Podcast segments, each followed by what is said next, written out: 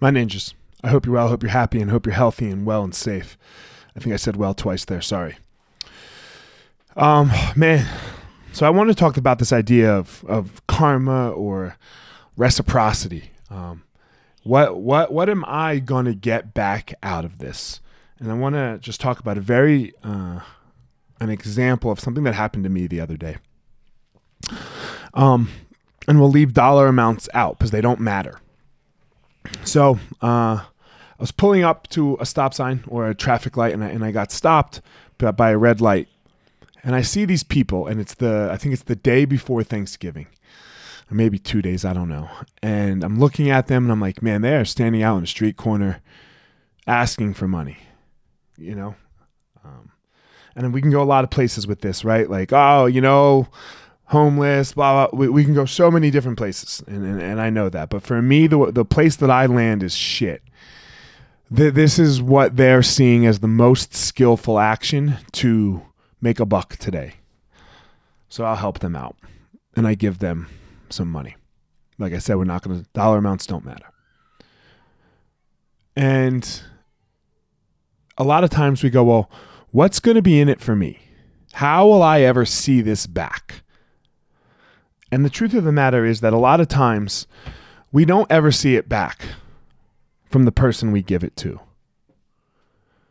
But it comes back to us somewhere. And for me, it came back to me that day. I called I called my friend's restaurant, you know, and and I'm sorry, I didn't even call it. I ordered. I ordered online from my friend's restaurant. My friend's restaurant that's shut down and closed and can only do takeout. And we know that uh, there's probably no two industries that have been hit worse than like the martial arts business and uh, the restaurant business. Like they're like it's awful for both of us.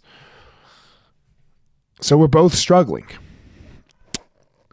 And I go and I pick up my food. I pay, you know, I pay online everything. And he's my he's it's when I say my friend, he's never been to my house. I've never been to his house. He's one of our students. That's what I he's one of our students at the school. That's what that's who he is. And and I go and pick up my food and he comes out and he goes, Man, I, I gave you I gave you 50% off. Are you serious? Like he can barely serve. And he and he gave me he gave me 50% off to say thanks.